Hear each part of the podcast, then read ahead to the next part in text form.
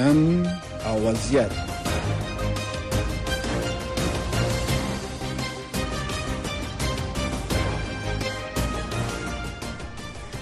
السلام علیکم درنو ریدونکو په خیر راغلی د د نو وضعیت پروګرام اوریدو ته مننه چې خبرونه اوري کور مو ودان قدرمن اوریدونکو د ایران د کورنۍ چارو وزیر احمد وحید وحیدی یو ځل بیا د ایران نه د افغان مهاجرو د غیر قانوني افغان مهاجرو په وټولو باندې ټینګار کړی دی او ویلي دی چې نور مهاجر هم باید خپل ملکونو ته ولاړ شي د یو منظم پروګرام په ترڅ کې او د خپل هواد په آبادولو کې برخه واخلي دا د ایران د کورنۍ چارو د وزیر خبره ده همداشان موږ سره ډیر سوالونه دي په دې برخه کې چې د ایران او پاکستان نه چې د دوه د افغانستان گاونډي هوادونه دي د افغان مهاجرو د وټلو یا د ایستلو په حق له پښتنې لرو چې په دغه سی یو حالت کې چې په افغانستان کې هم اقتصادي بحران دی بشري بحران دی د مهاجرو په زور استل یا شرایط ورته داسې سختول چې هغه د مجبوري ورزي بیرته افغانستان ته ورشي دا څومره د قانون د نړیوالو قوانینو یا د مهاجرینو د قوانینو سره مطابقت لري زه غواړم په دې برخه کې د خبرونه د میلمه سره وغږیږم د دې مسلې په حق لمو د بین المللي روابطو او اقتصادي چارو کارپور اوسته د خبرونه ته چې روح الله احمد زې صاحب دی هغه به په دې برخه کې خپل نظر بیان کړي د قوانینو پرانا کې د حقوقو پرانا کې په دې موضوع باندې وغږیږي چې کاونډیانو ته په دغه سه حالاتو کې څه لازم دي چې خپل د دغه افغانانو سره چې مجبور دي د داسې یو نرمخ نه کار واخلي چې د ستونزو سره مخامخ نشي او که ستونزې موجود دي هغه کې لږه اسانتیا ویل شي د انسانيت په حساب هم زه غواړم پوه شم چې پروډوسر صاحب چې ملما احمد زه صاحب خبرونه کې دی نه احمد زه صاحب ستړي مشه غږ مې اوري سلام علیکم امید لرم تاسو خو اوسئ زما احترامات ومنئ خپل سلامونه لید اوریدونکو ته هم وړاندې کوم امید لرم چې کوم ځوابونه چې زه وړاندې کوم د اوریدونکو ته او تاسو ته د قناعت وړ وګرځي ډیره مننه تاسو نه احمد زی صاحب محترم اول تاسو نه تشکر چې خبرونه ترغلي سوالونه ته چې جواب ورکوي هغه خو تاسو د خپل معلومات او قوانینو پر اړه کې ورکوي نو حتما به ټول دوی واوري او بیا کچیر کوم سوال لري آینده خبرونه کې دوی مطرح کوي تاسو خو دغه حالات ساري د افغانستان د ملګرو ملتونو د مهاجرینو د ادارې په حساب تقریبا ولکه یا تلکه مهاجرین دي افغانان چې د گاونډي ملکونو او نورو ملکونو کې دوی تیتو پرک دي پلاته دي خو هغه غټ شمیر په پا پاکستان او په پا ایران کې دي او دا دواړه د افغانستان گاونډي ملکونه دي اسلامي ملکونه دي نو د ملکونو خو چې سړی په تاریخي لحاظ ورته وګوري همیش د حکومتونو توقع دا و چې د یو بل سره په سختو حالاتو کې ودرېږي همکاري وکړي نو څه فکر کوي په ایران کې خصوصا نن چې زموږ موضوع ده او پاکستان کې هم په زمینی حساب باندې دوی ولې دغه فشار راوستي دي او افغان مهاجرین په زور شړي او تاکید کوي چې غیر قانوني افغان مهاجر باید ووزي لاړ شي افغانستان ته تاسو ته معلومه ده افغانستان کې هم حالات او شرایط داسې نه دي چې دوی ورشي الته کار ولري روزګار ولري ځای ولري د مثلا د غذا د صحت د کور غم او خړل شي ډیر ته دا شرایط نه مساعدېږي او خصوصا اوس چې په دې ژیم کې چې شرایط بيخي مساعد نه دي ایران کې اوس کورنۍ چارو وزیر ویلي دي چې غیر قانوني مهاجر باید ورشي بیرته افغانستان ته تاسو څه وایئ د سیاسي نګاه نه او د بشري نګاه نه اوله خو دغه موضوع کې موږ تاسو د ته باید یو مکس ولرو چې د مهاجرت او د کډوالۍ بهیر په ټوله نړۍ کې د بینالمللي حقوقو لارښ نه داسې یو پروسه او داسې یو بهیر ده چې هغه هیوادونه چې کډوالۍ او مهاجرت مبدا هیوادونه دي دوی کله چې په دې هیوادونو کې له بیلابیلو دلایلو په اساس چې د نړیوالو کډوالو د کډوالۍ د نړیوالو حقوقو په اړه کې کوم عوامل څه د دې سبب کیږي چې دوی خپل هیواد خوشی کی افغانستان یو له هغو هیوادونو نه ده چې د تیرو تلورو لسیزو کې مهاجرت په بیلابیلو پړاوونو کې ارشوي دي افغانان چې مهاجرت ته مخه کړي او د داسې موضوعات چې هغه د نړیوالو حقوقو په اړه کې کټیر د دوی ژوند په خطر کې هغه موضوعات کې خو بیا دوی حق لري چې هر هیواد ته چلار شي اول ته د دوی ته پن سرپنا او د پناغوښنې بهیر مختلف یعنی که سیاسي پناغوړي کنه سیاسي پناغوړي ښه درست اما د ایران او د پاکستان په برخه کې د افغانانو اوسیدنه څو اړخ لري اول اړخ یې ډیر مهاجرین د هیوادونو ته تللي دي د اقتصادي ستونزو او د بیکاری او د وزګاری لړخ نه دوی دغه هیوادونو ته کډوال شوی دي او دلته استوګنه کړي او هغه خپل هغه کوم اسناد هم چې دوی اخیستي دي د کار ویزه تر لاسه کړي او یا هم په غیر قانوني توګه دوی په دې هیوادو کې استوګنه کړې ده چې کوم کوم هغه کډوال چې ځانونه یې ثبت کړي دي او د یونټ سی آر سره د ملګر ملتونو د کډوالو د چارې ادارې سره دوی ځانونه ثبت کړي او یا هم د دې هیوادونو نه ویزې اخیستې دي د غوي په وستلو کې هغه ستونزه نه ده پیدا شوې کوم کډوال چې د اوس د پاکستان او د ایران لخوا نه بیرته ویستلو ته یا بیرته تک ته مجبور کیږي دا هغه ناقانونه کډوال دي چې د تیر دوو کلو کې په تیر بیا د دوی شمیر زښت زیات شوی او په پټه توګه او په غیر رسمي توګه دوی له پولونه اوړي کوم ارقام او کوم امر چې موجود دي په یو نیم میلیون افغانان په ایران کې همدوس په غیر قانوني توګه استوګنه لري او یو میلیون په پاکستان کې چې له دې ډلې نه پاکستان تقریبا 8 لک افغانان ویستلو ته بیرته لګلو ته افغان افغانستان ته اړکړې دي او ایران هم دغه بهیر مخ اوس مخ ته وړي ما اوله دا خبره په دې په دې قوانینو اړخنه تاکید په دې وکړ چې کوم هغه افغانان چې د کډوالۍ اړخنه دوی غواړي چې پناه واخلي ایران او پاکستان پناه نه ورکړي او دغه شرایط هم دوی نه لري د اقتصادي پړاو د دوړه هیوادونه دغه ته ملزم نه دي چې دوی حتما د افغانان ومني خو دوی بیا پروژې اخلي له ملګرو ملتونو نه او مرستې اخلي د یونیټ سی آر پروګرام د ملګرو ملتونو زښت زیات مرستې لاندې دوړو هیوادونو سره کوي چې د افغانانو ته الته استوګنې زمينه مساعده سي او دغه پروژې چې د بیا د نوم د پروژه په باندې ګدم د مهاجرینو د کډوالو برخه کې دوی خې مرستې اخلي ترکیه هم هم دا رنګه حتی تاجکستان په دې ورسېو کې مرستې ترلاسه کړې نو اوس کې چیرته دا موضوع د مهاجرینو دوی غواړي چې په دې جمع کې یا په دې ناسمه اوضاع کې چې افغانستان کې یو تعداد مهاجرین نشي تللی د سیاسي سنځو لړخنه او یو تعداد هم هغه د سرپناه او د بیرته تک لپاره زیربنایي امکانات په افغانستان کې نشته نه په ولایتونو کې نه په کابل پلازمینه کې نه په هرات کې دغه فشار ده چې دوی راوړي یو سیاسي فشار ده چې په طالبانو په وکمنۍ راوړي او دوی خپل غوښتنې هم لنړي والي ټولنې لري په تیر بیا له ملګرو ملتونو نه چې مرستې زیاتې کی او مرستې ترلاسه کی دا یو فشار پیروړي او له بل اړخ نه د طالبانو سره هم د دوی جوړجړی په ډیرو موضوعاتو کې هم دغه فشارونه باعث شول چې مثال د پاکستان په قضیه کې چې د ټي ټي پی موضوع طالبان په یو ترتیب باندې بله مطرح کړې ده درست بله نو دغه موضوع ته په پام سره ایران هم همدغه د اوبو موضوع چې افغانستان سره د هلمند د هرمند د سین موضوع کې دوی تر اوسه پورې سیستان او بلوچستان ولایتونه د دوی ظاهرا ډیر د وچکالۍ نه دوی سر ټکی او افغانان وبخې د طالبان واکمنۍ په هیڅ وجه د موضوع کې تر اوسه جوړجاړي ته دوی سره نه درسېدلې او دومره خبره ده چې ایران د کوم ارقام چې د بننه مهاجرین خپل د افغانان په ایران کې وایي چې ډېر مرستې د دوی په نوم باندې راځي یو نسيار ترلاسه کوي اما بیرته ایران د ایرانین د ایران واکمنان دغه مرستو باندې داسې څارنه لري چې مهاجرینو ته څه نه رسیږي او دغه فشار په مهاجرینو ورځ تر بلې زیاتیږي دوی د ترکیې د پولیس سره هم غوړي چې غوښته ووري حتی وسره تاوتریخوالی کیږي حتی داسې په باندې کیږي دوی زخمیان کیږي ټپيان کیږي کوم مهاجرین کوم کډوال چې له دې ترکیې نه بیا اوړي بیا له ترکیې نه هم د خواته د اروپا خواته دوی د کډوالۍ بهیر ته دوام ورکړي د دوی د کوم داستانونه او کومه قصې چې اورم بله زه داسې چې کې په اروپا کې دوی سره کار کوم د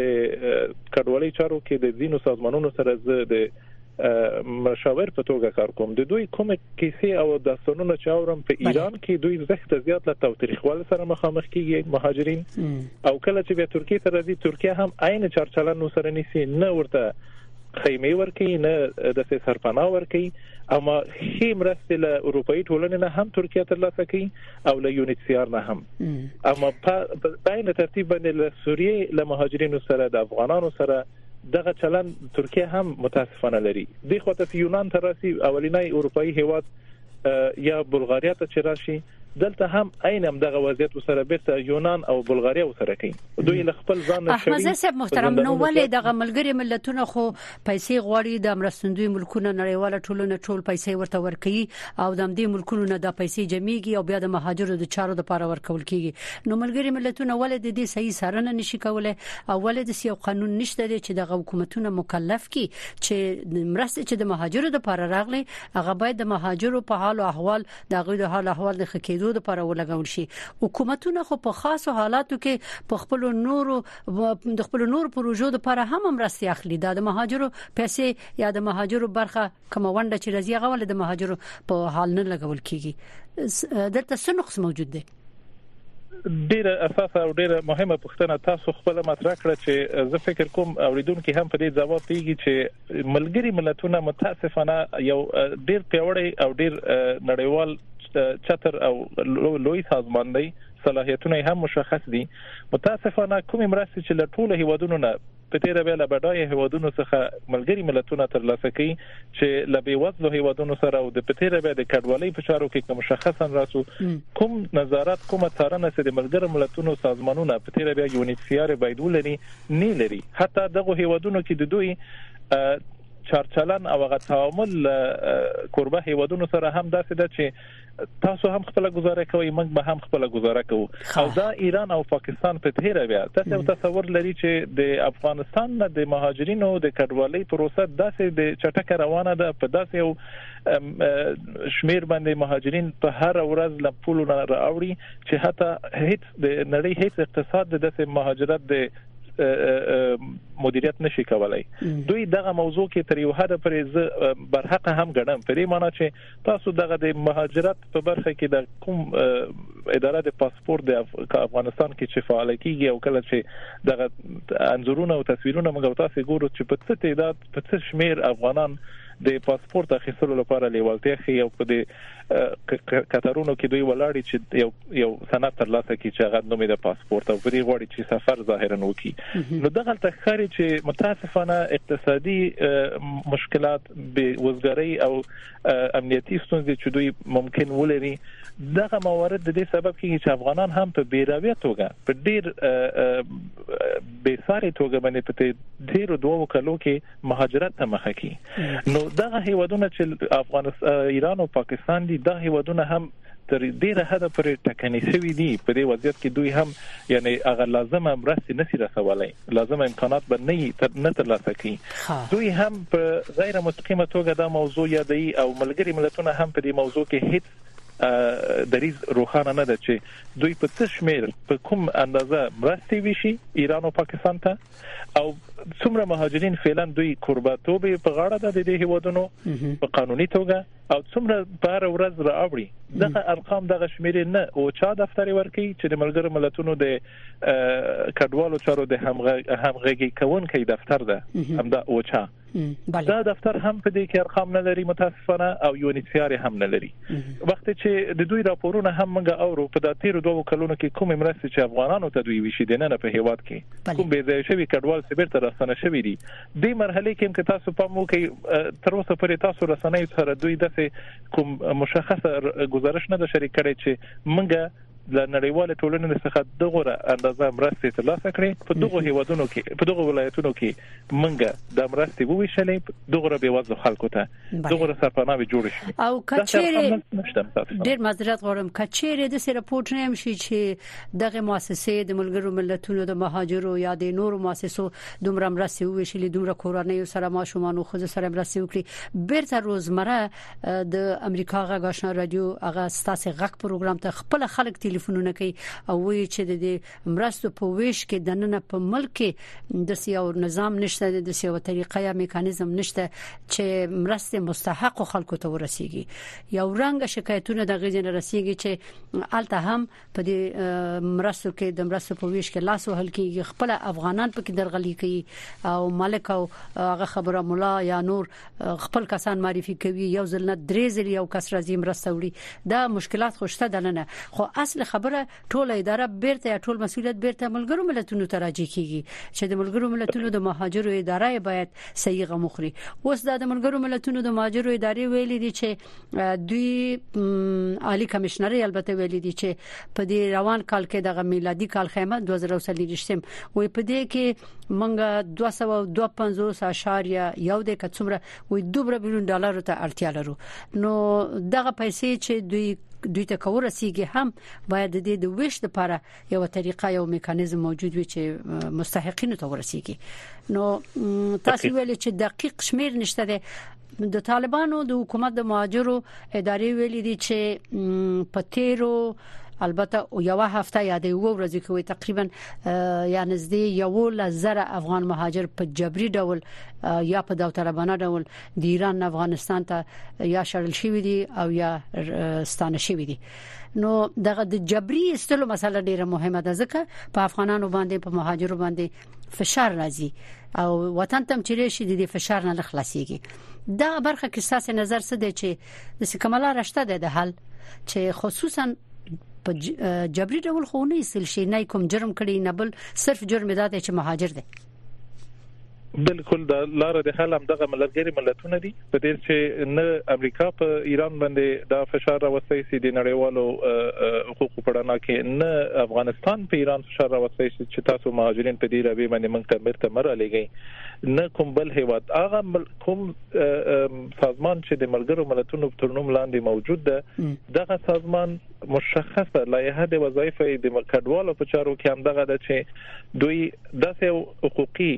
چوکاټ او داسې یو تګلاره له مغه هیواد سره چې کوربه ده بله په ورسره جوړجړی ته رسیدي چې دغه هیواد توقعات او دغه تمه او کوم منابع چې غوړي هغه مانی کغه مالی منابع دي کغه بشري موضوعات دي دوی هغه چارچوکاټ ورته جوړي په ټوله نړۍ کې دا د بهیر موجود ده په دغه آلمان کې چې زه اوس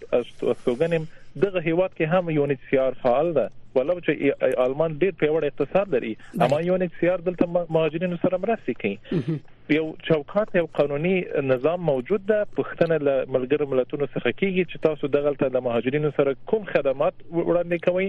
او کوم خدمات چې تاسو نه وړاندې کوي چې حکومت مخته شي نو اوس که ایران په دې موضوع کې غواړي چې اقتصادي اړخناس مرستې کمی یا هغه لازمه منابع نه لري یا بشري اړخنه دا امکانات نه لري چې دومره سرپناوي مهاجرینو ته برابرې کی یا خیمه ورته جوړې کی په دې سړی هوا کې هغه د ایران حکومت توقعات که چیرته ملګری ملتونه ترلاسه کوي ملګری ملتونه د دا خپل په شورا د امنیت شورا کې یا په نورو مربوطه غونډو کې بربند کی چې افغانستان کې دغه څه بشري ناورین روان ده مهاجرین ورځ تر بلې زیاتیږي او یو هیواد چې ایران ده د غوړي بیرته په زور وشړي دغه د نړیوالو حقوقو په رڼا کې سرغړوي ده د موږ زموږ سازمان مسؤلیت دغه ده چې دغه موضوع ټول د ملګری ملتونو هیواد غړو هیوادونو ته ورسو دغه وضعیت ده نو که چې ته ملګری ملتونه په دې موضوع باندې خپل چوپتیا غوړه کوي او یوازې رسنۍ چې بیاغه هم موږ تاسو په دې کې بحث لرو او شاید ډیر موضوعات باندې ګزارشونه او راپورونه جوړ سي بله یو څه رسنۍ چې په دې باندې راپور جوړي او خلک خپل شکایت تاسو ته وړاندې کوي دا خو یو اړخ سو دا خو د موږ تاسو هغه مدني اړخ نه یا لا لا بشري اړخ نه موږ تاسو خپل ستونزې وړاندې کوو یا په غو باندې بحث کوو مسؤلیت د ملګرو ملتونو ده د طالبانو واکمنۍ په مرستو کې متاسفانه د مرستو په جذب کې هم دغه بندیز په لګول شوی تر اوسه پورې دغه بندیز لا په موجود ده چې دوی د مرستو په ویش کې هم باید برخه ونخلي او په نظارت کې هم او تا د پښتنې حق هم طالبان ظاهرا نه لري اما دا چې دغه مخکې تاسو یو تفسیر وکړ چې کیدای شي دلته د محلي واکمنانو او د طالبانو د چارواکو لخوا نه هم د مرستو په ویش باندې په داخل د هیواد کې د خیانت فساد او یو څه روابط وی وو دا موضوع هم شته درست او په عین ترتیب باندې دغه د مهاجرینو وزارت د طالبانو هم په دې کې یو منفعله او ډیر پسیف نقش لري نو په داسې حالاتو کې د بیا هم هغه متضرر اشخاص متاسفانه افغانان دي او زموږ تاسو بیوازه خلک دي تاسو نو په دغه سی وخت کې چې د افغانستان حال تاسو ته معلوم دي ولس دغه د پروګرام اوري د وروسته خپل نظر ورکي خو شکایتونه نه دي رفت ته په خپل د یو متخصص په صفت د بین المللي قوانینو پر اړه کې د دغه سي حکومتونو نه مثلا تاسو مخکې د جرمني خبره وکړه دا راپورټونه هم موږ ترغلي دي چې د اوکرين د جګړې نه روسته چې کله اوکراینیانو جرمني ته مخه کړه مهاجر شول نو دلته د افغانانو افغان مهاجرو چې د دومره کلونو تل وسیدلې دي او فقط ویزه غوندي یعنی کال په کال دی ویزه تمدیدیږي تل ژوند کوي د کلونو رئیس د دوی د ژوند د اقتصادي شرایط بدل شول او ډیر فرق پکې راغی او ډیر امتیاز د نو مهاجرو ته ورکړ شو دا راپورټونه موږ لرو دا شکایتونه راغلي دي نو اوس بیرته راشو ایران ته د ایران د حکومت نه څه توقع لري تاسو چې دوی د مهاجرو سره بله بله د مهاجرینو برخه کې په تیر بیا د دوی خو سیاسي اغراض او سیاسي مداخله په افغانستان کې د 13 څلورو ځو کې دواړو هیوادونو درلودلی هم ایران هم پاکستان مګر هم دغه اوس خو د طالبانو سره ډیر مزرات غواړم مګر اوس خو د طالبانو سره د ایران روابط ډیر خدي خو روابط ور سره پالي خو باید دغه برخه کې خو هم لګ نرمختو کې امانه برعکس یو خو ته هغه روابط ته چې ګوري سړی راپورټونه راځي بل خو ته د رقم جبر ته چې سړی ګوري سوالونه پیدا کیږي چې ولې یو اسلامي ملک یو گاونډي ملک باید داسې وکړي لا قل انتظار وباسي چې تر شرایط لخشي او ستاسو خبره د ملګرو ملتونو نه د مرسته وغوړي دقیق وضعیت داسې ده چې ایران او پاکستان په په خره توګه د افغان کډوالو څخه دوی ډېر اقتصادي ګټې ترلاسه کوي په ډېر ارزانه بیه دوی مهاجرین په غیر قانوني توګه استخدام کوي او بیرته دوی په خپل فابریکو په صنایعو برخو کې په معدنونو په کانونو کې چې نور ایرانیان او پاکستانیان په غو کې حتی کار کولو ته مخه نه کوي اما هغه شاقه کارونه ته او ډیر سخت کارونه ته هم دغه کډوال د افغانستان دوی لیګي او ډېر شي ګټي هم په دې لار کې دوی لري حتی په خپل رسنیو کې د ایران او د پاکستان د بحثونو کې هغه کارونه چې افغانان مخه کوي په ساختماني برخه کې په تیر بیا د ودانیزو چارو کې کوم شاخه کارونه چې افغانان کوي هیڅ کله یو ایرانی دا کار نه کوي حتی نظامی برخه کې هم راپورټونه راغلي دي چې افغانانو برخه اخیستې ده او استخدام شوی دي دا دا طالبانه دي او کمزور bale مهرباني بالکل مېرمن خادم دوی شي ګټې لري ترنه له مهاجرینو څخه دوی په خټوګه استفاده کوي او اقتصادي مرستې هم له یونیسیار نه اخلي کوم مهاجرین چې رسمن ثبت شوی دي د غوي لپاره خو دوی ته رسمن هغه مرستې ویشل کیږي او دا هیوادونه د دې په نوم باندې چې موږ مهاجرینو سره بیرته د مرستې کوو ډېرې عظیمه پروژې ترلاسه کوي اوس دغه اوس مهال کوم وضعیت چې روان ده د 13 شپږو میاشتو کې چې پاکستان او ایران په افغانانو باندې فشار راوستي چې بیرته خپل هیواد ته ستانه شي دغه سیاسي اغراض دي له طالبانو سره د دوی په ځینو موضوعاتو کې جوړجاړی موجود نشته په ځینو موضوعاتو کې طالبان باندې دوی غواړي فشار راوړي